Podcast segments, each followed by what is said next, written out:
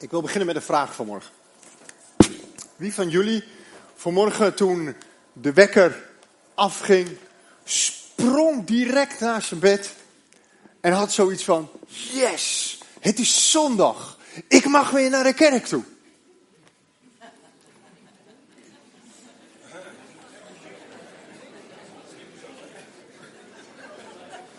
Ik zie vooral mensen die. Ik zie vooral mensen die moeten lachen. En twee, drie voorzichtige vingers.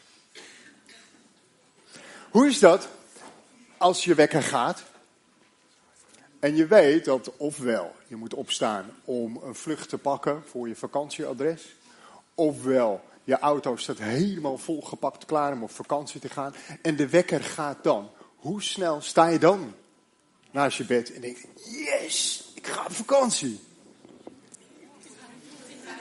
Nou, hou die vingers maar even naar beneden. We gaan, we gaan met elkaar lezen op Psalm 122. Psalm 122, een pelgrimspsalm. En er staat het volgende. Een pelgrimslied van David. Verheugd was ik toen men mij zei, wij gaan naar het huis van de Heer. En nu staan onze voeten binnen je poorten, Jeruzalem. Jeruzalem, als een stad gebouwd, hecht en dicht op één. Daar trekken de stammen naartoe, de stammen van de Heer. Om Israëls plicht te vervullen, te prijzen de naam van de Heer. Daar zetelt het gerecht. Daar troont het huis van David. Vraag om vrede voor Jeruzalem. Dat rust hebben wie van je houden. Dat vrede heerst binnen je muren en rust in je vesting. Om mijn verwanten en vrienden zeg ik, vrede zij in jou. Om het huis van de Heer onze God wens ik je al het goede. Psalm 122 is een pelgrimspsalm. En daarmee maakt deze psalm deel uit van een groep van pelgrimspsalmen, namelijk de psalmen 120 tot en met 134.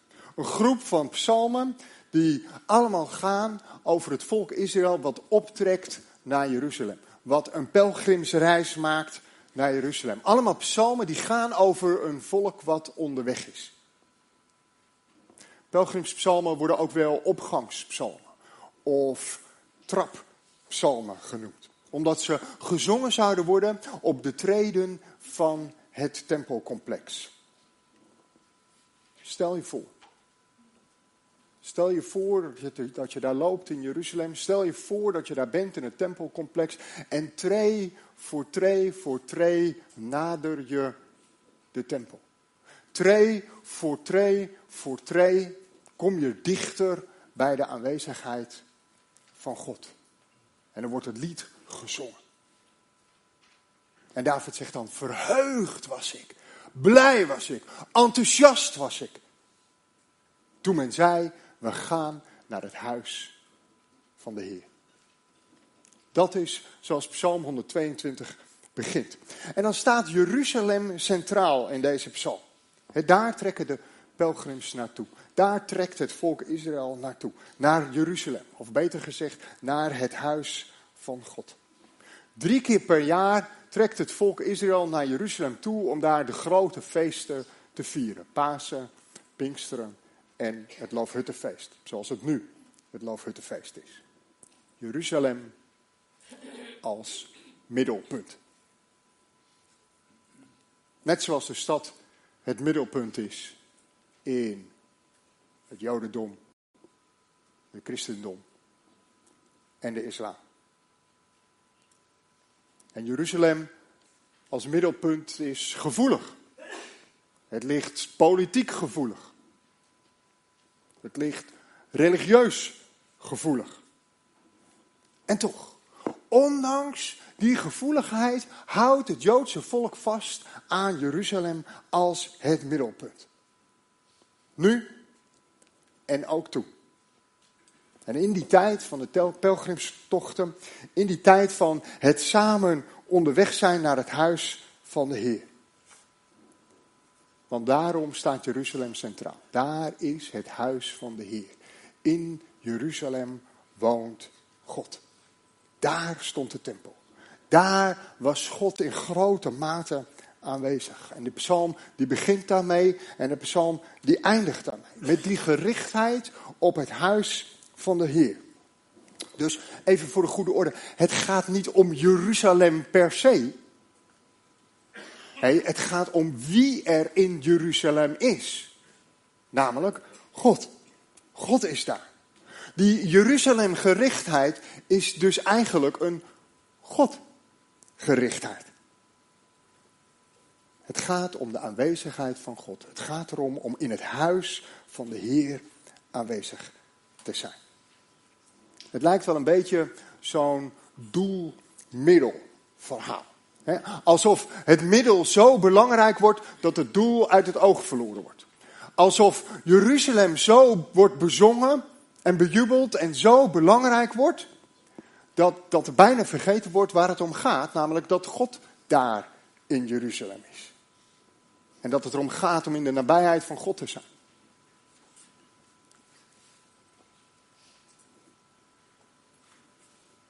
Als gemeente denken we met elkaar na over een eigen plek. Over een eigen gebouw. Afgelopen week hebben we zelfs een informatieavond gehad daarover. En dan gaat het over een plek. En dan gaat het over een gebouw. En dan gaat het over stenen. En wat als we straks. En vul maar in. Maar het is een middel. Net zoals Jeruzalem een middel is. Het is niet het doel. Een eigen plek is een middel om. Of een springplank om gemeente te zijn zoals God bedoeld heeft. Als in de psalm Jeruzalem naar voren komt, dan wordt er Gods aanwezigheid bedoeld.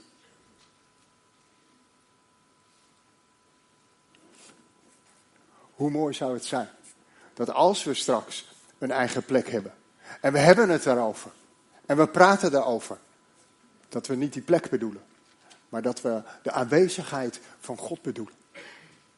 Dat we niet ergens naartoe trekken, maar dat we als gemeente met elkaar verlangen om in de aanwezigheid van God te zijn.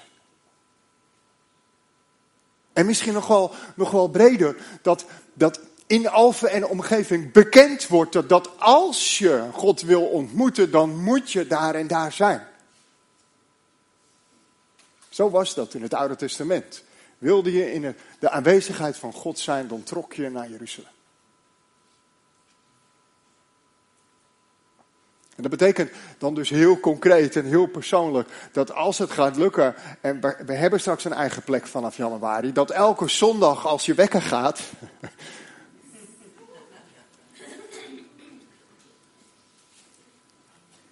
je snapt wat ik bedoel, hè?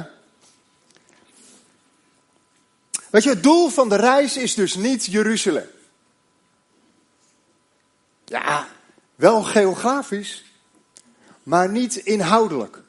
Net zo als het doel van je vakantiereis misschien ergens een verre bestemming is, ja, geografisch.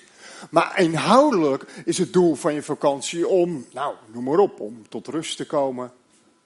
Om uitstapjes te maken. Om even het genieten van een andere omgeving om cultuur te snuiven, om, nou ja, net waar je van houdt. Dat is het doel. Dat is inhoudelijk het doel. Geografisch is die verre bestemming. Geografisch is het doel Jeruzalem. Maar inhoudelijk gaat het om de ontmoeting met God. En om in de aanwezigheid van God te zijn. Om in die aanwezigheid van God tot rust te komen. Het doel van de pelgrimstocht van het samen onderweg zijn met het volk Israël, lezen we in vers 5 waar staat dat het gaat om het prijzen van de Heer. En om het gerecht wat er is in Jeruzalem. Kort samengevat, aanbidding en rechtspraak. Daar waar God is, worden wij opgeroepen om Hem te aanbidden en zal Hij recht spreken. Dicht bij God zijn, kan niet anders dan dat dat resulteert in Hem te aanbidden. En als ik daarover nadenk, dan zijn er direct twee beelden uit de Bijbel die bij mij naar boven komen. De eerste komt uit Jesaja 6. De roeping van Jesaja.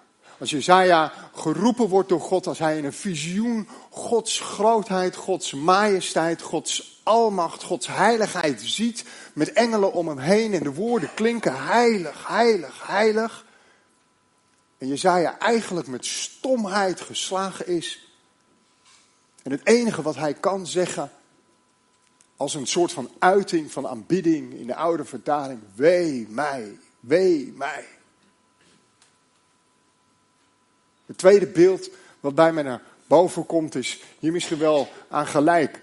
Is wat we lezen in openbaring hoofdstuk 4 en 5. Als we samen met Johannes een kijkje krijgen in de hemelse troonzaal. En als daar voortdurende aanbidding is van God die op zijn troon zit. En opnieuw die woorden klinken. Heilig, heilig, heilig is de Heer God Almachtig. Dicht bij God zijn leidt tot aanbidding. En in diezelfde setting komt ook rechtspraak naar voren.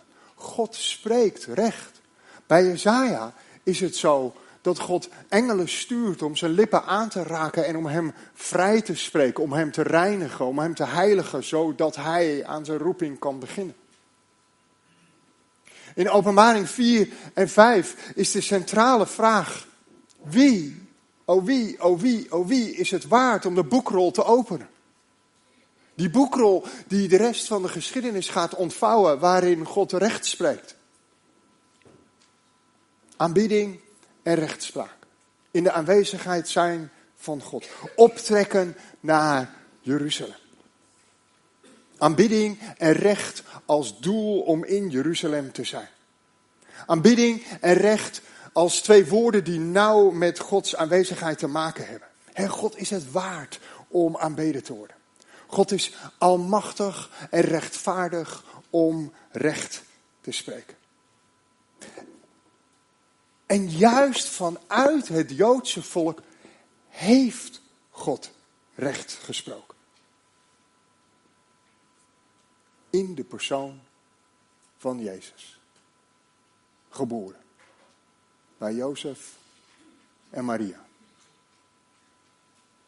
Een Joodse jongen. Opgroeiend tot een Joodse man. Opgegroeid in de Joodse tradities. Door en door Joods. En in de persoon van Jezus spreekt God recht is recht gesproken door Jezus. En er wordt recht gesproken door Jezus. Er is recht gesproken door Jezus, omdat door ons geloof in Jezus er hier en nu ruimte is om in vrijheid te leven. Die relatie met God is hersteld. Op het moment dat je gelooft in Jezus, is daar herstel en is daar die ruimte en die vrijheid en is daar die connectie met God de Vader weer, die verloren ging in Genesis hoofdstuk 3. Maar door Jezus wordt er ook recht gesproken. Er zit een toekomstig aspect. Als we snel doorspoelen en we kijken naar de laatste twee hoofdstukken uit de openbaring, hoofdstuk 21 en 22, dan zie je dat daar opnieuw gesproken wordt over Jeruzalem. In hoofdstuk 21 wordt er gesproken over een nieuw Jeruzalem. Een nieuwe hemel, een nieuwe aarde, een nieuw Jeruzalem. Een, een vernieuwing van deze wereld waar het goed is. Een Paradijs 2.0, waar geen zonde meer is, waar geen verdriet meer is, waar geen tranen meer zijn. En waar ook geen gevolgen van de zondeval meer zijn. De gebrokenheid is weg. En het is een plek, een nieuw Jeruzalem, een nieuwe hemel, een nieuwe aarde. Het is een plek waar geen tempel meer is. Want die tempel die is niet meer nodig. Omdat God zelf daar is. Er is geen zon meer nodig. Er is geen maan meer nodig. Natuurlijk licht is niet meer nodig, omdat God zelf verlicht. De luister, de glorie, de schittering van God, die zijn zo intens, die zijn zo aanwezig, dat er helemaal geen ander licht meer nodig is. En de mensen, de volken, die trekken op om bij God te zijn. Net zo als in de psalm. Verheugd was ik, omdat we naar Jeruzalem optrekken. Met elkaar, als gemeente, als volk Israël, met elkaar zijn we onderweg, met deze hele wereld eigenlijk, zijn we onderweg naar dat moment van het nieuwe Jeruzalem. Om op te trekken, om in Gods aanwezigheid te zijn.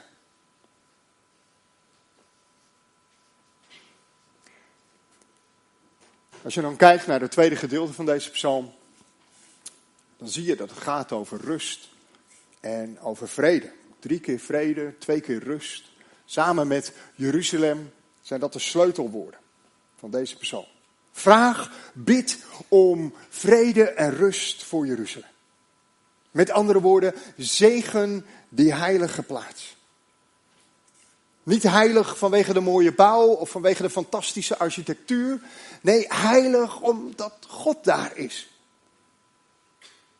Heilig omdat God daar is. Bid om shalom. Bid om ontspanning. Zodat er in vrede en in rust aanbeden kan worden in Jeruzalem. Zodat er ook echt recht gesproken kan worden. Als we dan kijken naar de kern van de Romeinenbrief, wat, wat mij betreft de hoofdstukken 9, 10 en 11 zijn, dan schrijft Paulus in die Romeinenbrief over Gods verbond met Israël. En dat dat verbond niet verloren is gegaan en dat het nog staat. En dan in hoofdstuk 11, de versen 11, 12, schrijft Paulus iets interessants. Hij zegt, weet je, dat volk Israël, dat is gestruikeld. En daar bedoelt hij mee dat ze Jezus niet als Messias hebben erkend. En het gevolg van dat ze gestruikeld zijn, is dat het evangelie over de hele wereld gegaan is. En dat er talloze mensen tot geloof zijn gekomen in de Heer Jezus. Sterker nog, en zo bout durf ik hem wel te zeggen, als het volk Israël niet gestruikeld was, hadden wij hier niet gezeten vanmorgen. Maar, zegt Paulus, en hij gaat verder, als ze struikelen, en het gevolg van dat struikelen is al zo groot dat het evangelie over de hele wereld gaat. Wat gaat er dan wel niet gebeuren als ze weer opstaan? Want dat is het gevolg. Ze zullen niet blijven liggen, maar ze staan weer op. Hoeveel te meer levert dat dan niet op? Hoeveel te meer levert het niet op als het volk Israël gaat zien dat Jezus de Messias is? dat Jezus de beloofde verlosser is. Dat er in Hem werkelijk rust en vrede en ontspanning is. Wat zal er dan wel niet gaan gebeuren? dus bidden om rust en vrede voor Jeruzalem, voor het volk Israël. Betekent dat we ons nauw verbonden, dat we ons onlosmakelijk verbonden weten met dat volk. En dat we ze toebidden dat ze de Heer Jezus mogen leren kennen. Want alleen in en door Jezus is er echt rust en vrede. En zo mogen wij als gemeente ook samen met het volk Israël onderweg zijn. Onderweg naar uiteindelijk dat nieuwe Jeruzalem. Waar er uit eindelijk echte vrede en echte rust is. Wat Johannes zo mooi beschrijft. Die plek waar God zelf is. En dat Hij onze, jouw, mijn tranen afwist. Werkelijk recht. Werkelijk rust en vrede. Werkelijk aanbidding. Laten we bidden samen.